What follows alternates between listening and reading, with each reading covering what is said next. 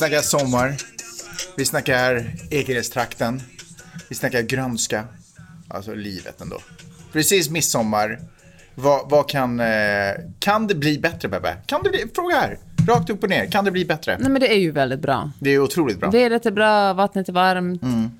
Vi är här, vi spelar in podden. Ja. Eh, apropå spela in podden, det här som vi hörde just nu, det var ju en collab. Mellan, En collab. en collab mellan eh, Justin Bieber och en, eh, rap, en humorrappare som kallar sig själv för Lil Dicky. Lil Dicky. Bara det är liksom humor. Eh, men eh, vi, vi känner ju honom egentligen bäst från en tv-serie som heter Dave. Som typ, man skulle kunna nästan säga, eller jag antar är lite så här självbiografisk, humorbaserad version av hans försök att liksom bara slå igenom som en seriös eh, rappare. Men eh, det som ändå är, varför gillar du den serien? Den är ju jätterolig. Mm. Den utspelar sig i Los Angeles. Och jag tycker det är så spännande att följa med hur det är att vara en vit rappare. Rappare. Rappare. rappare. Det, var verkligen, det är en annan podd du fuckade upp det där i också. Vet. Nej men att säga, alltså det, det finns ju många dimensioner att ta sig in i ett område som är väldigt svart. Där Mm. man verkligen, om man är liksom en, en vit judisk hiphopartist, inte så snygg, man har liksom inte så mycket som talar för en. Hälsningar till Lil Dicky bara, inte så snygg. Nej men han är ju inte så snygg. Att ta sig Okej. in i den eh, branschen är ju otroligt svårt. Och, eh, Hade det varit lättare om han hade varit snygg, tänker du? Absolut. Allt är det? lättare för snygga människor.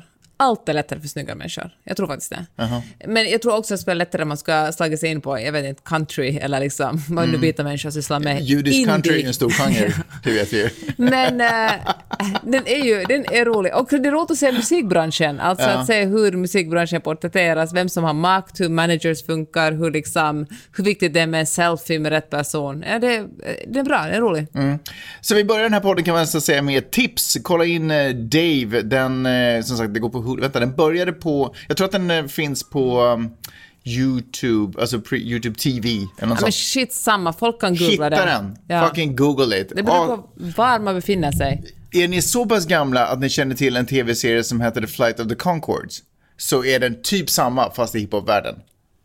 Det sa du exakt detsamma som Johanna sa i, Det- skåpet när jag tipsade om Dave. Ja, för att det är verkligen exakt det. För att det är också, så här, ett- det är också ett musiknummer av liksom Lil Dicky då Ja. i den här serien. Så, så väldigt, så den är nästan, ja, nu känner jag nästan typ att han har stulit det konceptet. Hela konceptet. Ja, det har Ja. han faktiskt gjort. Eh, skitsamma, asrolig. Eh, midsommar, vi är i Finland den här veckan och vi har en hel del att prata om. Då gör vi det. Så vi kör.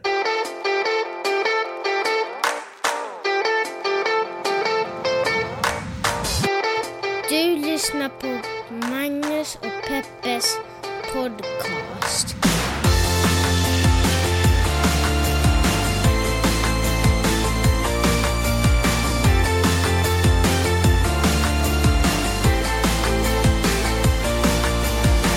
Jag tänkte att vi skulle börja i eh, regeringskrisen. Peppe, berätta allting du har att säga om regeringskrisen. Jag har verkligen ingenting att säga om. Vänta, ursäkta. Sveriges regeringskris. Nej, det här är en global regeringskris Mm. med start i Sverige. För jag tror att det ändå kan påverka en massa andra länder om, eh, Vet om vänstern får igenom det de vill eller inte får igenom det de vill. Jag vet att du skämtar nu, men så känner Sverige verkligen. Svenskarna känner verkligen. Det här är något Herregud, som men angår så ska alla. man känna. Man ska brinna för politik. Jag tycker att det är... Får jag, för, det här vill jag först börja med att säga. Du har ju otroligt svårt att förstå det härliga i VM. Vadå VM? Förlåt. Du har, du har det otroligt svåra att förstå, svårt att förstå det härliga i fotbolls-EM. Ja, men det är ju bara korruption. Ja. Och Nej, snubbar ja, men- som får för mycket betalt. Det är det enda jag ser. Okej, det är det enda du ser. Alltså, to my point. Du har väldigt svårt att förstå tjusningen i att titta på ett fotbolls-EM. Jag tycker bara ni är lättlurade jävlar. Men kan jag ändå få säga att jag också kan känna de känslorna när jag tittar på liksom det politiska läget och jag Ja, hör, jag hör debatterna kastas fram och tillbaka. Absolut. Nej, men alltså, jag måste inte välja att bara gilla politik. Jag kan också få de här känslorna när jag tittar på en match mellan Sverige och något annat land. Vet du vad Magnus, om vi talar om det vill jag bara säga en sak. Jag har tänkt på det här länge. Jag- är ihop med dig för att du inte är intresserad av sport. Men har du bara tryckt bort sporten för att du vill vara ihop med mig? Nej, men jag är, inte, jag är generellt sett inte superintresserad och egentligen inte speciellt kunnig på vilka spelare som vad de heter och vad de har för skostorlek och vad de gjorde förra sommaren. Men eh, jag kan uppskatta en landskamp. Okej. Jag kan verkligen uppskatta en landskamp. Ja, ja. Eh, då kan mitt hjärta börja slå lite mer och man bara woho! Du vet, så länge man kan lite grundregler och man har någon form av hjärta i kroppen. Och jag tror att det är där kanske det. Och gillar korruption och män. Och älskar korruption och män. Man vill att, att gamla gubbar ska ha mer pengar. Så det är därför då, jag- är, då tycker jag att fotboll är en perfekt Men det borde ju sport. passa dig asbra, du älskar ju amerikansk politik. Nej, men jag tänker så här med fotboll, man bara, fan det finns jättemånga vita äldre män som har för lite pengar, som borde kunna ge varandra mer pengar. Fotboll, jättebra sport. Vi kan ju ändå säga att de som spelar fotboll är ju inte generellt bara vita. Nej, men de får jättemycket pengar. Och nu Jo, menar jag men korruptionen ändå- kring, de är ju Precis. gladiatorer Exakt. för en massa rika gubbar. Strunt samma. Anyway, så pågår det alltså då. Vi är väl mitt uppe i, eller, och det här är egentligen det jag ska komma till. Jag, så, jag vet inte vad det är, för jag är ju verkligen intresserad av eh, liksom, det politiska läget. Men av någon jäkla anledning så har jag så jäkla svårt att hålla i alla trådar om... Jag har liksom svårt att, nej, jag har svårt att hålla i engagemanget. Så att jag liksom skulle kunna löpa trådarna till, linorna till slut, eller trådarna till slut. Så jag förstår exakt vad det är som gör vad och vad det skulle kunna Alltså påverka. den svenska regeringskrisen? I den svenska regeringskrisen. Jag förstår ju liksom grundkonceptet att vänstern vad, den, vad de tycker och naturligtvis så vill de tra- traditionella borgerliga partierna fälla regeringen. Alltså jag fattar allt det. Jag fattar att Stefan Löfven, du vet, hans dilemma. Men mycket mer. Alla andra turer, det står ju varje dag står det en, en, någon ledare i tidningen eller någon artikel som berättar om vad som nu har sagts och vilka som har haft möten med vem. Men, och jag kan typ läsa dem.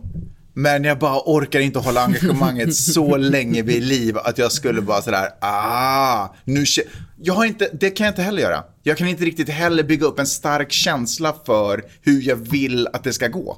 Vet du vad det beror på? Ja. Du har bott i USA så länge så du inte har följt med svensk politik aktivt. Om man har bakgrunden, om du har the backstory med de olika partierna, då är det lättare att vara engagerad.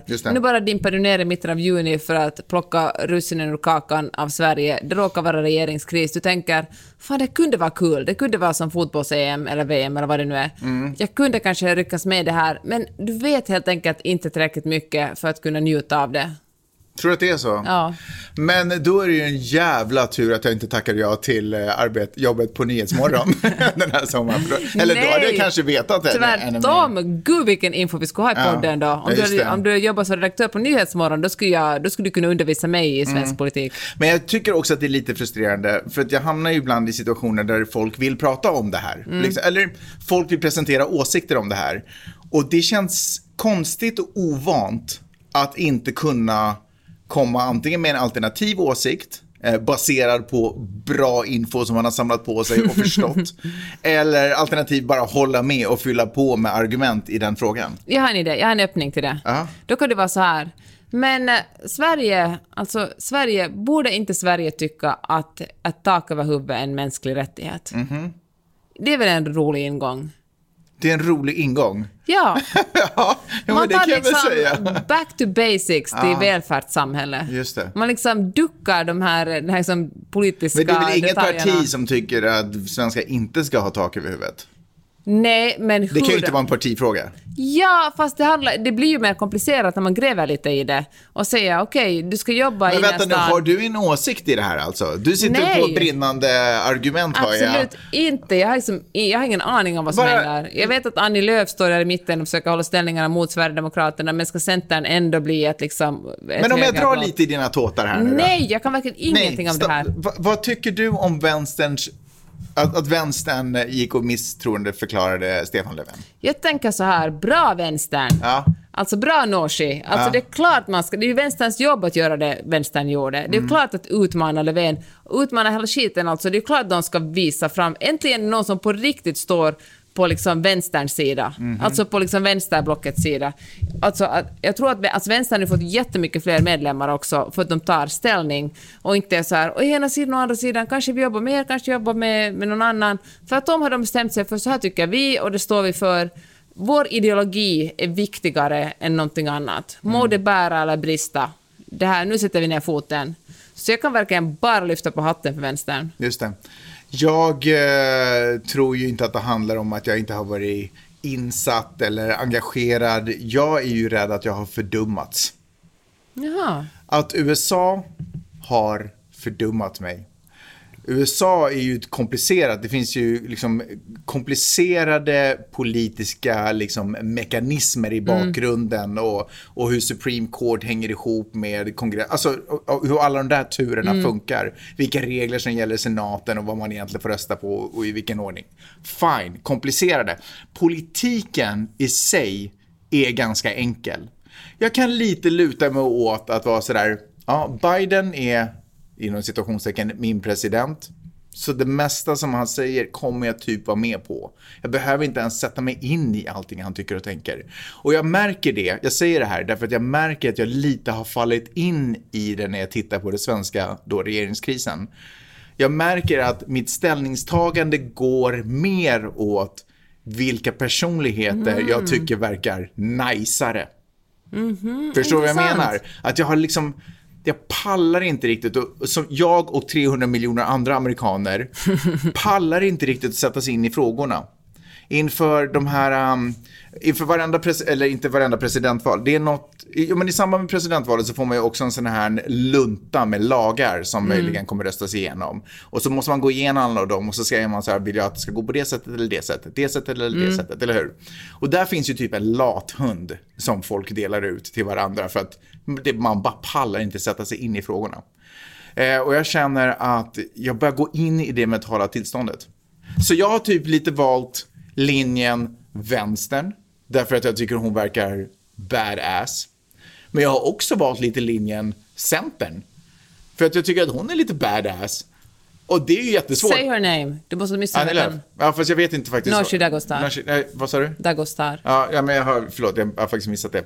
Men, eh, så att jag har, eh, så jag har liksom, och de är ju nästan lite diametralt motsatta mm. i det här läget i alla fall. Fast nu kanske då Centern ger med sig lite. Men, men de står inte för samma politik. Och mm. båda har vi typ... Du har gått all in för personpolitik. Inte medvetet, men jag märker att USA har liksom dragit mig åt det hållet. Intressant. Ganska lätt kunde man säga, om Trump öppnade munnen så kunde man säga sådär, det här kommer inte komma bra saker som mm. jag kommer stå för. Fast det ibland till och med kom sådär, det där var inte helt fel mm. i sak. Sänka skatten för barnfamiljer till exempel, det var ändå en ja, bra grej. Men någonstans blir det default. Han är bad, han ska ut. Oavsett vad han tycker i sakfrågor. Och, och motsatt nästan för Trump. Men, Eller förlåt, för Biden. Det här är ju Magnus inte bra. Hur ska du hantera det här? Jag måste... Hur ska du bli smartare? Jag måste knyta an närmare mot eh, svensk politik. Du får läsa på i sommar. Ja. Verkligen. Lyssna på alltså P1, läsa DN, Svenskan, Sydsvenskan när vi är i Skåne. Mm. Bara... Om det mot förmodan blir omval så kommer det ju... Det blir väl omval? Jag vet inte. Det är ju det jag inte Inom tre månader tror jag det blir det. I alla fall då kommer, tror jag att det kommer komma en liten revival. För då är det som att då drar politikens EM igång. Mm. Och då, vill man, då blir man mer så här, okej okay, nu börjar frågorna komma upp på agendan igen. Man börjar lyssna noggrannare. Mm. Man börjar se debatter, man lär känna partiledarna. Okej, okay, men ska det här vara, ska vi göra en överenskommelse för podden den här sommaren? Aha. Mer svensk politik. Mer svensk politik, oh, oj. Till och med jag ska ge mig, jag, min ursäkt är ju den, jag är, verkligen, jag är finländare och lever i USA. Ja. Så jag kan verkligen ducka under att jag inte har någonting med Sverige att göra. Men jag ska men, göra det. Men kanske Sveriges sak är också din sak? Sveriges sak är min. Ja. Du, vad vet du om finsk politik? Folk vill inte ha barn i USA. Alltså det för, för sjätte år i rad föds det allt färre barn. Aha. Och eh, det här fick mig att tänka på ett en episod vi gjorde av den här podden för några månader sedan som handlar om problemen i Japan där japanska kvinnor inte ens vill gifta sig. De bara, det är skönare för mig att leva ensam att, och inte överhuvudtaget ha barn. Mm. Och hur det i sin tur påverkar, nej men inte bara så här, restaurangbranschen påverkar så att man har liksom bord, när man just äter sukiyaki eller något annat som man äter liksom grillar framför sig, ja. så finns det som bås för en person, för att folk går inte ut i par längre. Vad skrattar du? Nej, men alltså ibland blir sådana här saker nästan lite rasistiskt. Alltså när man du vet, bara slänger ut sig den enda maträtten man kan på okay. japanska. Eller var det de facto just grill du ville komma åt? Ja, ja det var så. så att man har en grill framför sig. Okej, okay, liksom. så ibland händer det i mitt huvud jag att blir... Jag kunde ha sagt sushi eller teppanyaki ja. eller något sånt. Ja, vet du vad, alltså fan, jag, jag känner att jag har någon sån här oros rasismradar som hela tiden är på. Ja. Som är lite så här, du vet som eh, fjädern på, eh, som heter Richterskalan. Ja, alltså precis. känner av vibrerar. Så, ja. så, så, så den på vibrerar. Ibland är det så här, Hon var peppis sa sukiyaki. ja, men igår också, så, förlåt du ska få komma tillbaka till sukiyaki-middagen. Men igår så stod vi och snackade med några folk, eh, ett, ett par här på stranden och så berättade han om en av, jag vet inte, grundaren till hans företag som var från Kina. Och han hette typ någon sån här, jag kommer inte ihåg vad det var. vet. Men när han sa namnet så lät det som att han bara slentrian sa... Ching Chong, ja, liksom. sa, ja, men för typ, namnet var typ Ching Chong. Det var, alltså, det var verkligen typ Ching Chong. För jag reagerade på att nu sa du ju bara, du pallar inte veta vad ägaren heter. Ja. Så du sa bara Ching Chong Borderland, du vände dina ögon liksom. drog tag i ögonvrån, ja det- precis. Eh, Men, men så visade det sig att det var ju också de facto namnet. Så att jag, ja. Men där var också min lilla så här, i bakhuvudet. Skitsamma, ja, du sitter på Okej. restaurangen. Eller de sitter på I restaurangen. alla fall, för att äh, japanska kvinnor har insett att det är, liksom, det är inte värt för dem att, att, äh, att äh, skapa en familj eftersom japanska män inte lyfter ett finger i hemmet. Alltså har man ett jobb och familj har man egentligen tre jobb som kvinna. Då har man sitt vanliga förvärvsarbete, så tar man hand om barnen och så tar man hand om, om sin äkta man. Så de har varit så att fuck this och istället så lever de ensamma med sina väninnor. Det är väl egentligen varje kvinnas dröm att leva ett kvinnokollektiv. Så långt har Japan inte än kommit och nu känner jag att vi går in på ett helt annat område som skapar dålig stämning just inom min relation. du pratar alltid om det där, det är så oförskämt. Det är så, varför pratar du som att det inte är trevligt att leva med mig? Nej, men jag menar inte det, det behöver inte alls vara personligt. Jo, fast du pratar ju om det ur ditt eget perspektiv. För det här har inte du liksom suttit och diskuterat ihop. Jag hör ju till och med när du pratar med en kompis, att det är typ du som tar upp det. Det är ju din idé. Vet du hur många kvinnor som drömmer om kvinnokollektivet? Om du som Var lyssnare... kommer den här statistiken ifrån? Från mig! Alltså, Exakt. Så många För kvinnor du går runt och det. frågar. Du tänkte jag sprider den här Ja, trenden. det är du som... Skitsamma. Magnus, det är underbart att leva med. I alla fall. Då går vi tillbaka till USA. I USA verkar man ha samma problem. Alltså inte så medvetet på samma sätt att, att kvinnor slutar gifta sig, men kvinnor vill helt enkelt inte ha barn. Och det beror delvis på att det är ojämställt i USA, men amerikanska kvinnor har inte riktigt definierat det på samma sätt som japanska kvinnor, utan det är mest konkret att det är så jävla dyrt att ha barn i USA. Alltså, det är dyrt att föda barn, det är dyrt att, att ha barn och köpa ersättning ifall man inte ammar, det är dyrt liksom med leksaker, det är dyrt med förskola, det är dyrt med skola ifall man inte bor på ett bra område. Folk har helt enkelt inte råd att ha barn. Och för att inte tala om hur dyrt det är med college sen. Så amerikanska kvinnor håller långsamt på att, att äh, men sluta, de har inte barn, de gör inte barn längre. Och äh, det här kommer ju att ta jättelång Men vänta, är det här nu, för USA är återigen ett ganska stort land, så det finns ju massa olika sorters demografiska grupper. Är det här liksom stadskvinnor, eller pratar du generellt amerikanska alla- kvinnor? Alltså, ett exempel, alltså New York Times skrev om det här. Mm. Och, och latinas, alltså latinska kvinnor, Mm. kvinnor från eh, Central och Sydamerika, de har traditionellt varit de som har fått flest barn i USA. Men just nu är faktiskt det de som eh, helt st- stiger på bromsen. De hör oftast också till den grupp som inte har mest pengar. Så de har helt enkelt varit så att sorry, det går inte, jag har helt enkelt inte råd att göra fler barn. Sen är man en vit kvinna som bor i, vad vet jag, Brooklyn, då har man antagligen råd att kanske ha lite fler barn. Men, eh, men generellt i USA så är det sjätte år i rad som, som vad vad heter det, nativiteten sjunker. Visst är det, och det här, då kan man ju tänka sig, men fan, eh, USA, världen är ju ändå överbefolkad och det är kanske bara bra, och det är ju kanske på en så generellt är det ju kanske bra att folk får mindre barn. Men det har ju också, Färre barn. Färre barn. Men eh, det har ju också ett, ett jättestort problem i Kina som eh, på, när var det, på 70-talet de började med sin enbarnspolitik, eller var det 80-talet? Det höll ja. på, jag vet inte, men jag, ja, det höll på länge i alla fall. Där man verkligen fick betala jättedryga böter om man fick fler än ett barn och folk gömde sina barn och kvinnor tvingades till abort. Jag lyssnade på Kina-podden på P1 som är en jättebra podd och de talar om liksom hur, hur man utförde tvångsaborter på kvinnor och hur det på något sätt blev en sån här paradox när man i västvärlden var sådär kvinnor ska få p-piller, kvinnor ska kunna få p-piller, det ska vara tillgängligt för alla. Höll man i Kina på med där man liksom tvångsskrev ut p-piller åt alla för att kvinnor, för att kvinnorna inte ska få barn. Kände så att kvinnor ska ha rätt att inte äta p-piller eller inte få spiraler insatta i sig. Kvinnor ska ha rätt att få barn. Samtidigt pågick liksom två parallella verkligheter.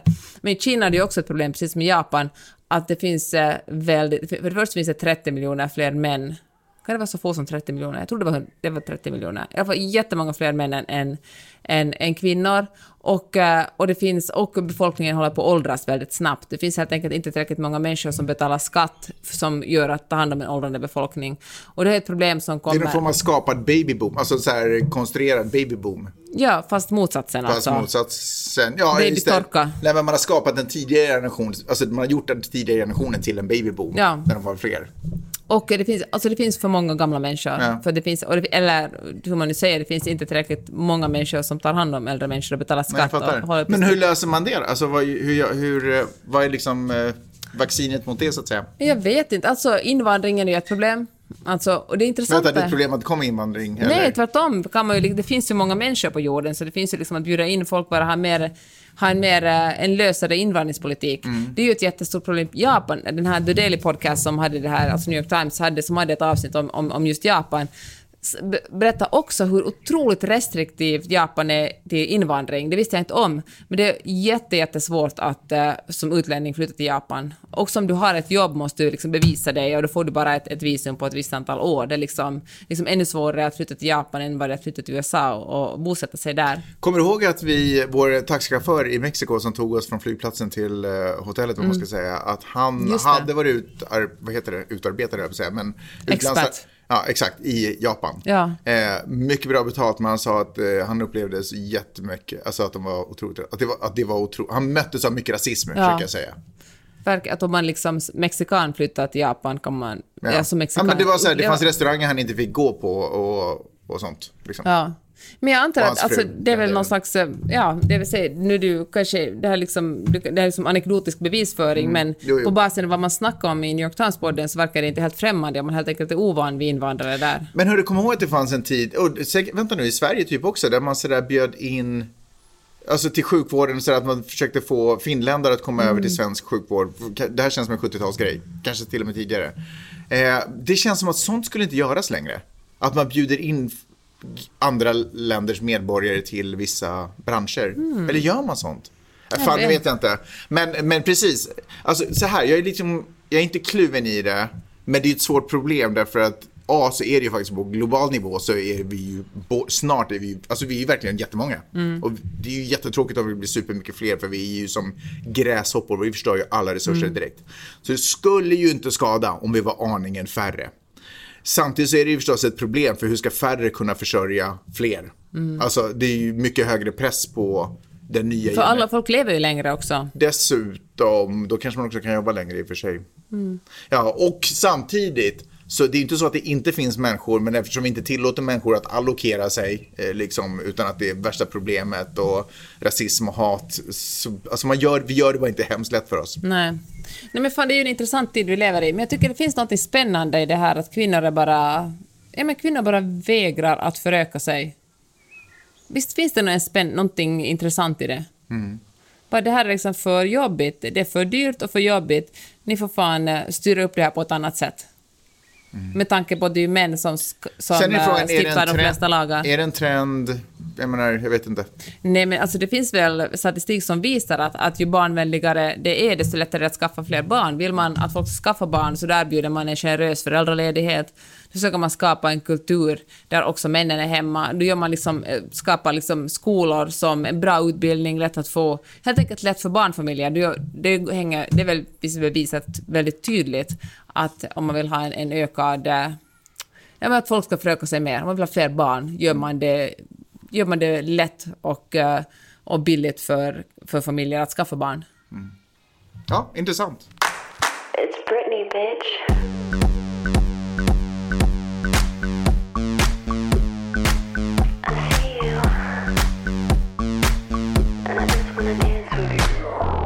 Britney Spears. Är- Har du varit en stor Britney Spears-fan? Hon är stor och stor, men hon har varit en del av min uppväxt, det kan man väl lugnt säga. Har du gjort dance moves till... De har inte gjort dance moves till henne. Nej, just det. Favoritlåt?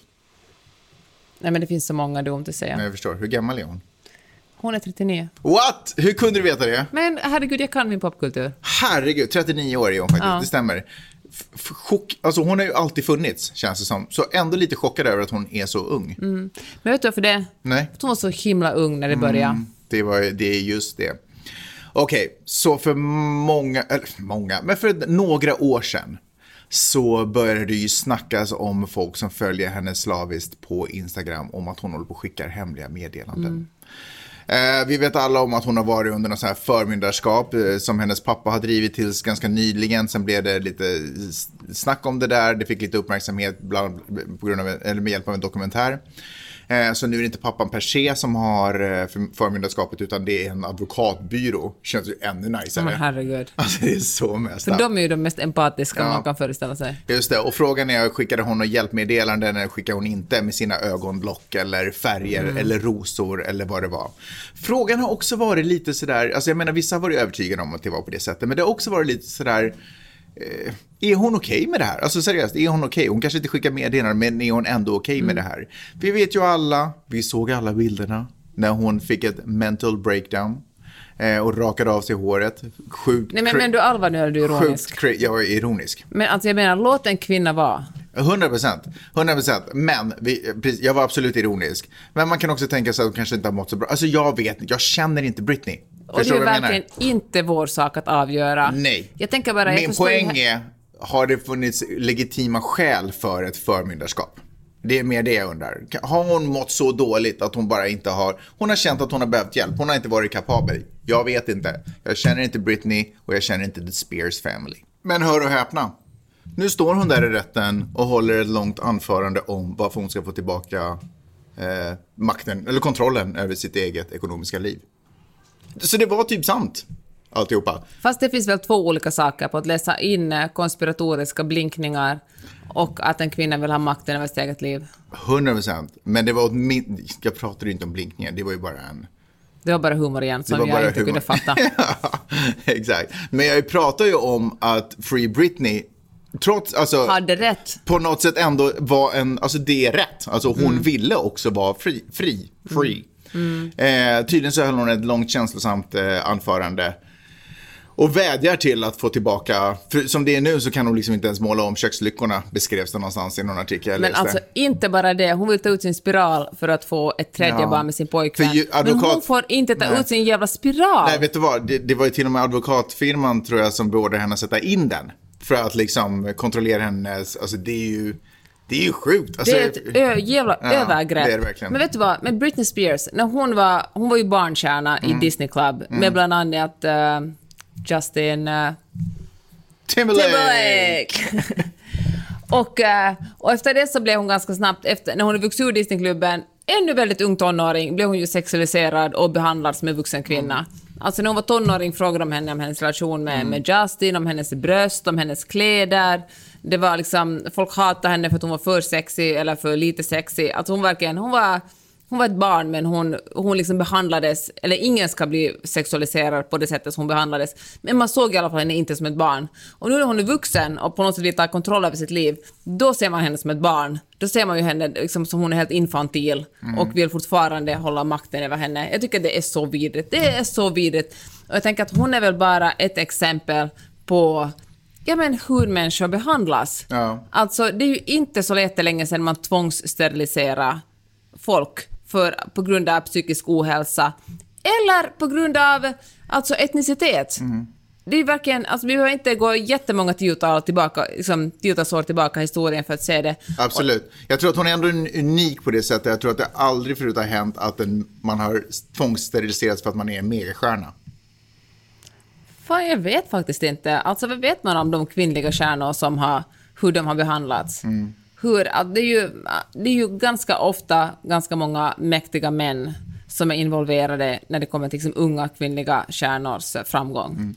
Det som jag ändå tycker också är väldigt spännande med det här, eh, den här situationen och det här fallet är att det på något sätt, okej det är inte så stor grej och jag vet inte om det hade kunnat gå på något annat sätt heller i och för sig, men att lite X-filigt så finns sanningen där ute och sanningen har fortfarande ett utrymme att få komma fram.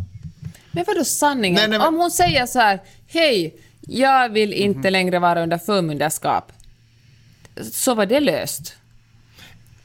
Ja, jo, Alltså- fast sanningen att den når oss som betraktare och som kan zona in och ut i, ur Britney Mm. Spears liv och eh, vad hon går igenom.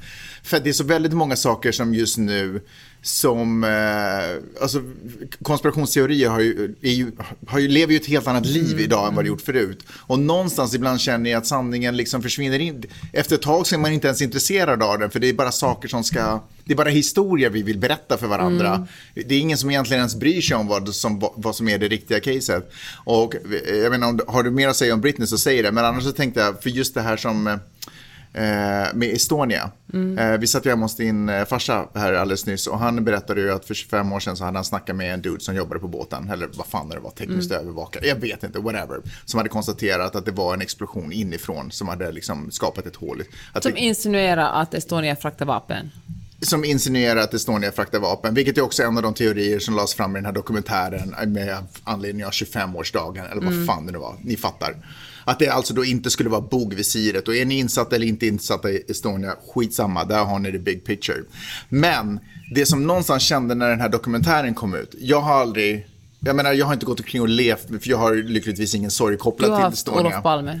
Ja, exakt. Nej, men jag har inte lyckligtvis haft, eller jag har lyckligtvis inte haft någon sorg Mm. kopplad till Estonia. Så jag, jag har inte gått omkring och levt varje dag och funderat på vad det är si eller vad det är så. Så om någon säger bogvisiret, så fine, då är jag där. Mm. Sen när det börjar komma upp liksom, teorier då som presenteras i den här dokumentären, då var jag lite så här, Ja, okej, jag vet inte. Det finns Mm. väldigt mycket, alltså det så, allting blir lite konspirations... Ja, man vet, alltså sådär, förstår Eller man har kanske en, en eh, spontant block mot någonting som låter konspiratoriskt. Ja, bara, har de tryckt fram det här för att få fram, eh, för att få göra det mer attraktivt att titta på dokumentären? Ja, eller, eller- vad är liksom syftet här? För mig handlar det mest om att jag inte vill vara en QAnon-person. Alltså jag tänker att konspirationsteorier är hittepå i 9 fall av 10, eller 99 fall av 100. Och då står jag hellre på den säkra sidan och säger hold your horses. Ja. Nu ska vi inte...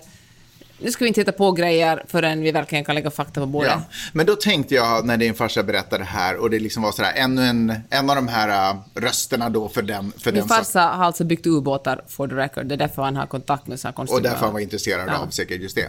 Men det jag tänkte då var egentligen inte, åh, det var så här, utan det jag tänkte var så här, lite skit, alltså ingen kommer vara, sanningen är inte tillräckligt intressant, tänker jag. Alltså, för att på riktigt läggas fram korten på bordet. Folk, vissa kommer köpa det där, det låter kanske av olika anledningar. För att det är sant kanske. Eller för att det låter som en mycket mer spännande grej, inte vet jag. Eh, och andra kommer inte köpa det och bara följa det så ja men det har gjorts en riktig undersökning som har godkänts av staten, alltså måste ju det vara sant. Så sanningen kommer någonstans alltid få leva ett litet annat liv där runt omkring och kanske komma fram och inte komma fram. Och jag känner att det är så med ganska många saker. Att vi förstår att det kanske inte var riktigt så det gick till, men är vi egentligen intresserade av det riktiga sanningsförloppet? Fast just de här två exemplen tycker jag det finns en avsevärd skillnad. Alltså, det var massa människor som dog med Estonia och det är en enorm tragedi. Och jag förstår att för, för de anhöriga finns det ett behov att få veta vad som egentligen hände. Alltså det, det, jag kan förstå att kanske inte för alla, men för många. Men Britney Spears, hon är en levande människa. Som, vi, det finns en, vi följer ju med det här i realtid. Alltså det får inte bli en dokusåpa för oss. Där vi bara liksom för vår eget nöjes skull kollar och ser vad som har hänt. Nu händer nu den här vändningen, gud vad spännande. Utan det är verkligen en riktig människa. Och jag tror verkligen att hon representerar ganska många alltså, i, riktiga människor. Det finns såklart ingen som Britney Spears. Men jag tänker att om det här är i lag tillåtet att behandla människor så här så kan ju Just inte det. hennes fall vara unikt på något sätt. Nej. Utan hon kommer att vara någon slags frontfigur för hur eh, människor tvångsomhändertas. Det ska i alla fall bli otroligt spännande. Jag vet faktiskt inte ens när domen eller upphävandet av den domen eh, kommer ske. Men det ska bli otroligt intressant att se. Och kan man också bara säga, förhoppningsvis, att det blir så att hon får tillbaka makten och kontrollen över sina, sitt eget liv. Fatta den, om hon sen också bestämmer sig för att vara kvar i musikbranschen eller underhållningsbranschen. Fatta den showen hon kommer göra efter. Jag tänker att hon kommer få en sån jävla revival. Folk kommer bara vara ut- jag, jag tror typ att det kommer vara lite party snart. Hoppas det. Ja. Jag lyssnar på en podd som handlar om eh, kapitalism. Det är ett gäng smarta människor och försökte fatta vad... Är det här saker du lyssnar på för att peppa dig själv eller innan du sover? Eller när, när lyssnar man på en podd om kapitalism? Men jag tycker det är intressant. Vad är kapitalism egentligen? Och det är ju något vi har talat om mycket i den här podden också. Och, eh, är det, och, och det är olika, uppenbarligen är det olika för olika människor. För vissa människor är det en, en ideologi. Man liksom nästan är nästan som en religion kanske. Alltså en, eller okej, så här, för vissa människor är det en ideologi, för andra människor är det en religion, för vissa människor är det ett ekonomiskt system, för vissa människor är det det enda rätta. Du menar att det finns ingen klar definition av Nej, Det kapitalism? finns jättemånga olika definitioner. Det måste ju vara kapitalismens största pl- alltså, tricks på mänskligheten. Visst är det det? Att göra sig själv odefinierbar. Ja, och det som man kommer överens om att det handlar om marknaden. Alltså kapitalismen handlar alltid om Som marknaden. också är sjukt oklar. Men visst är det det? Marknaden och börsen, det är ju verkligen helt väldigt flummigt. Ja. Och de som är hardcore-kapitalister säger ju att marknaden löser sig själv. Efterfrågan och utbud. Och en faktiskt, en verkligen hardcore-kapitalist i den här podden sa att för honom skulle bra, vilket skorrar ganska illa tror jag med vanliga kapitalister, eller normkapitalister, så att för honom kunde man öppna gränserna hur som helst. Folk skulle kunna strömma in och strömma ut. De som klarar sig, klarar sig. De som inte klarar sig, klarar sig inte. Och eh, det här var en podcast som heter eh, 1A som går på NPR som är jättebra, som jag lyfter ofta, lyssnar, ofta lyssnar på, som har ett Så tema geografi också blir en del av marknads... Eh, Ja. Det är lite sådär djungelns lag, den starkaste vinner. Och eh, då ringde det in olika människor och berättade liksom sin situation, vad de tycker om kapitalism. Och eh, då ringde det in en kvinna som, och det här samtalet fastnade verkligen hos mig. Hon sa att hon, eh, hon lever med en partner som hon inte könade, om hon lever med en annan person. Och, så, och den här, hon, är liksom, hon är ansvarig för att försörja sig själv och den andra personen. Hon jobbar som sjuksköterska och hon eh, känner sig låst. Hon säger att det känns att hon är så låst i sitt jobb. Hon måste tacka ja till alla turer, även om, hon, om det turer hon inte vill tacka ja till, men för att hon ska ha råd att försörja sig själv, betala för sitt boende och för den andra personen, så hon är tvungen att tacka ja till allting. Och hon känner att hon har ingen kontroll över sitt eget liv, utan hennes jobb kontrollerar henne. Och hon säger att det har gått så långt att hon leker med tanken, det vore så jävla skönt om hennes partner skulle dö. Eller bara försvinna. Oj. För då skulle hon känna att då skulle hon kanske få lite mer frihet i sitt eget liv. Och det här ju låter ju fruktansvärt, men eh, och att, tänk, liksom, hon önskar sig såklart ingens död, men hon sa att liksom, hennes tankevärld, i, sin, i de mest desperata situationer, hennes tanke liksom nuddar vid det här. Och jag tänker att det är väl inte helt ovanligt att man som amerikan är låst vid sitt jobb. Alltså det finns absolut inte samma anställningsskydd, skydd, Det är inte bara amerikan. Jag tycker man hör massvis med människor. Jag kan inte göra det här för mitt jobb. Hur ska jag kunna göra Ja. sånt här? Men i USA är det ju extremt, för du kan verkligen få sparken från en dag till en annan. Och kan du inte betala, för det finns ingen skydd, anställningsskydd, eller uppsägningsskydd, vad fan det nu heter. Och eh, det finns heller ingen skydd för att, eh, att bo någonstans. Du kan få sparken, eller kan du inte betala av ditt lån, eller kan du inte betala din hyra. Nu har det varit i och för sig ett undantag under covid, men vanligtvis kan du hamna på gatan liksom från en dag till en annan. Så att allt handlar om att du ska visa framfötterna på ditt jobb och vara livrädd för att, verkligen, för att kunna behålla det.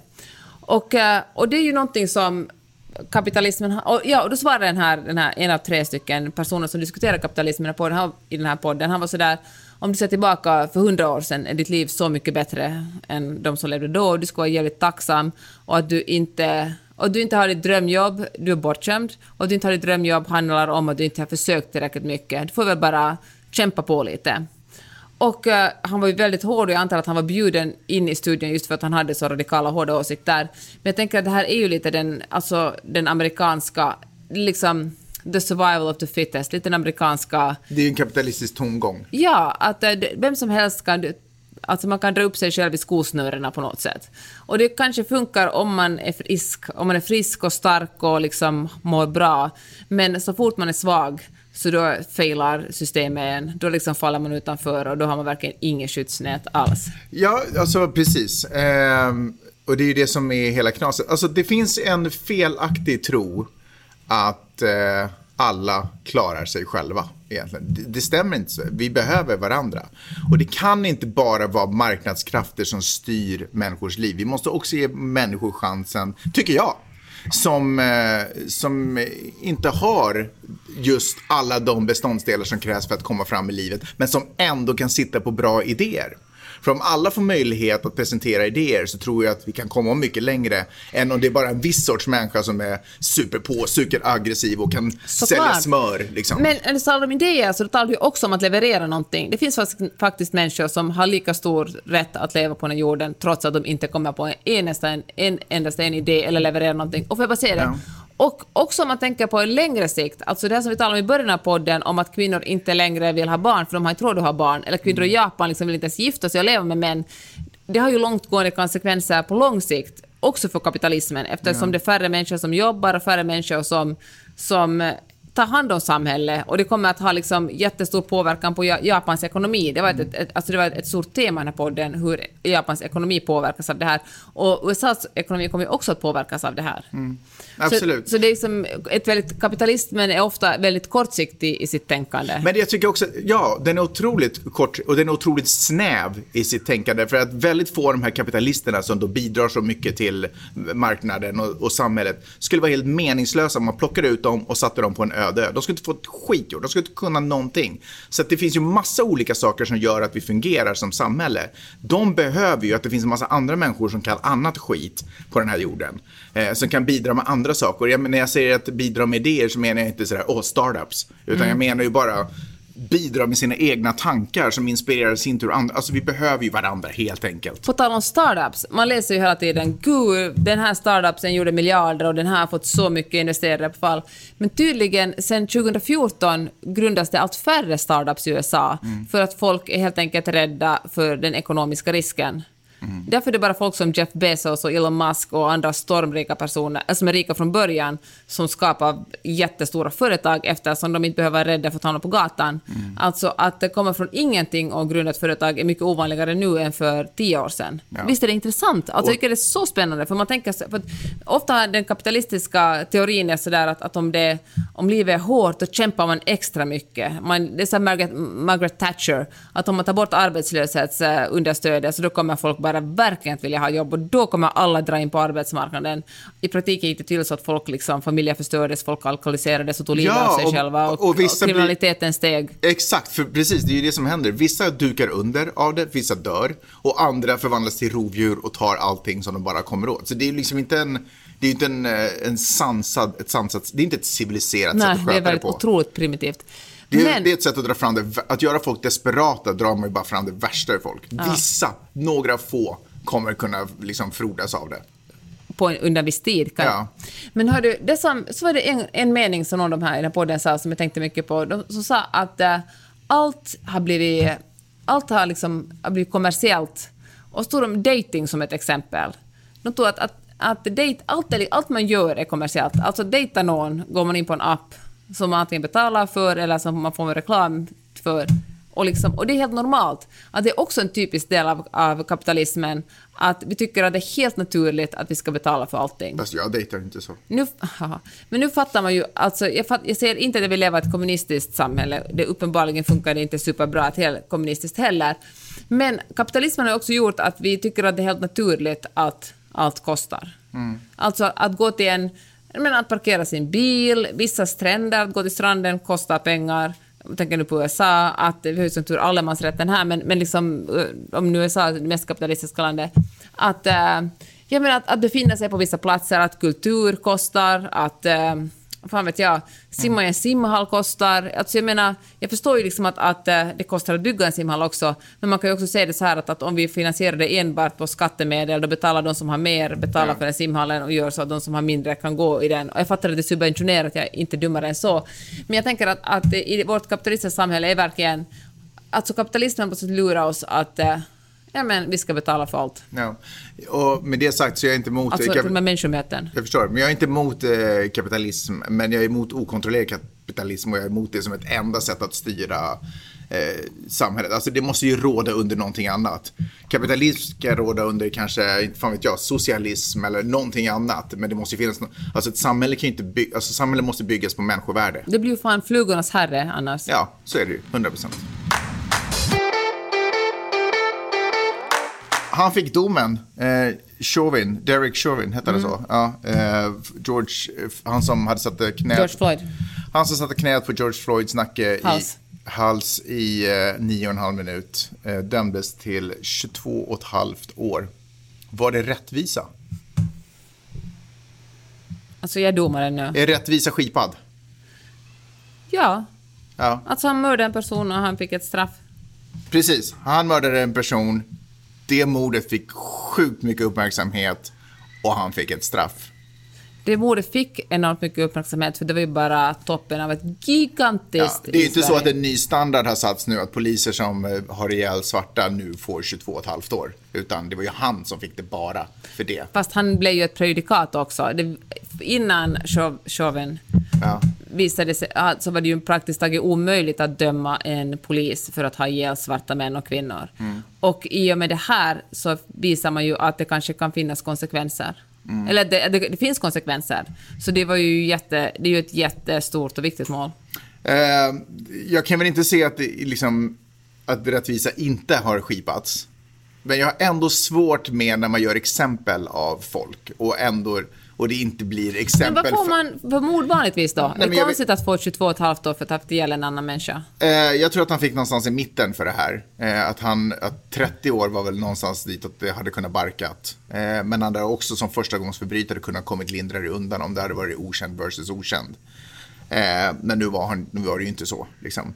Eh, så, men, men det är klart att han måste ju få ett, för att samhället ska kunna fortsätta ticka och för att inte dra igång nya räder på stan så måste han ju få ett, ett nummer. Nej, men är det verkligen därför? Är inte det för att... jag är helt övertygad om att det är så. Alltså, om man är domare måste man motivera den här domen med att det är en man som mördar en annan man, han ska få sin dom. Absolut, men då hade han som förstagångsförbrytare troligt fått förtjänat mindre. Mm. Troligtvis. Okej, välkommen till juristpodden. Nej, men jag vet ju inte. Men sen vet jag inte om det också spelar in i att han inte bara är en vanlig person. Han är också en police officer, officer som vi också förväntar oss ska ta hand om oss. To protect and serve. Fast tvärtom. Eh, eh, UFO-resultatet. Kommer du ihåg att vi pratade om det för ett Vänta, tag vänta, sedan? byter vi ämne nu? Ja, vi byter ämne. Okej. Eh, kommer du ihåg att jag pratade om att Trump, som en av de sista grejerna har gjort, har sagt att Pentagon måste släppa det de har Ja. om UFOn. Eh, de har släppts nu. Eh, 144 fall av 145 flyggrejer kunde inte förklaras. En, den 140 145 var en luftballong. Eller väderballong eller vad det är. Men eh, man kan inte heller säga att det är aliens. Det kan också vara liksom spiongrejer från andra makter. Alltså man har bara, man 100% vet inte. Går du igång på sånt här? Jag går inte igång på sånt här, men jag har kompisar som går igång på sånt här. Så jag tänkte att nu vet ni. Det kommer inte ut några rapporter om att hälften av jordens befolkning är eh, reptiler som går omkring i andra skepnader. Känner du till den grejen? Ja, men det är alltså, jag går tillbaka till Qanon nu. Ja, det här är en helt egen, V. det här är en helt egen genre. Det är en helt egen genre. Jag tror inte att det är Q, Qanon. Eh, och sen en tråkig nyhet, Peps Persson har dött. Lyssnade precis på honom eh, på en spellista. Hur sjukt är det? Ja, det verkar lite sjukt. Och hur sjukt är det inte att jag trodde att han redan var död sedan många år? Det är också obehagligt. Det är ju faktiskt, det är ju nästan som att jag har förutspått att han ska dö. Men det kan jag ju göra med alla. Så du kan inte en taktisk på mördaren. jag kan faktiskt... Ja. Eh, hörni... Vänta, jag har en till grej. Okej. Innan vi slutar.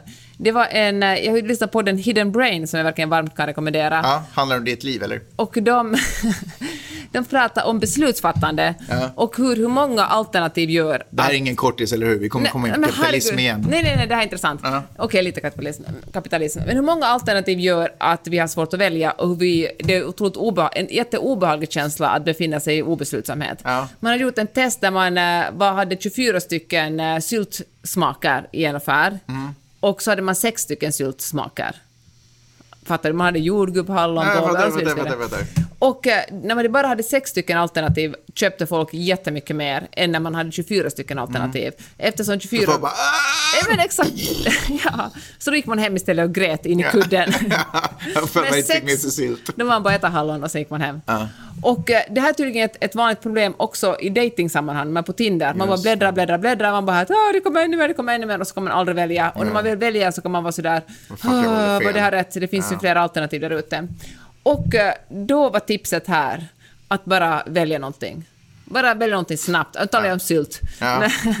Att välja någonting snabbt eftersom den mänskliga hjärnan har tydligen en förmåga att när man väl har fattat ett beslut och liksom committat till det, då boostar hjärnan en. Då är hjärnan bara “bra gjort”. Mm. Men är det Rätt inte, val. Är det inte det som också förklarar varför till exempel, du, du har ju ibland reagerat på att man, eller du, alltså jag har ibland reagerat på att man får, kanske inte kritik, men att man får lite sådär, hm, hur kan ni bo där? Ja. Varför, hur har du kunnat göra det valet? Jag gjorde ju det här valet. Exakt det tänkte För jag på. hjärnan går ju, och, och det gör ju min också, går på fullt tryck på att Vitser har gjort ett bra val. Ja. Hur fan vad grym det är, Magnus, min egen kropp som har fattat det här otroliga beslutet att leva livet på exakt det här sättet. Kan du bara sprida det här evangeliet till andra så kommer lyckan Ja, det får man verkligen hålla sig. Det får man verkligen göra. Men, eh, men, ja, men visst, och visst är det bra. Det är ju ett jättebra sätt att vara lycklig på. Att Ja. om hjärnan skulle Fast i det är ju synd oändlighet om hålla man på... valde att bli nazist. ja, han bara, Achtung! Ja, fan vad bra du är. Skitbra att du lyckas fånga Ja. det här valet i livet. Ja, då får man, ibland måste man kanske stanna upp och check Ja. en self. Eller hårdrockare för den delen. Usch. Väldigt tragiskt. Nej, jag skojar bara. Ni får lyssna på vilken musik som helst, bara ni gör det för er själva med hörlurarna på. Eh, och eh, tills dess, medan ni lyssnar på musiken, så tackar vi för oss själva. Tack för att ni har lyssnat också den här veckan. Och Vi hörs nästa. Det gör vi. Hej då! Hej då!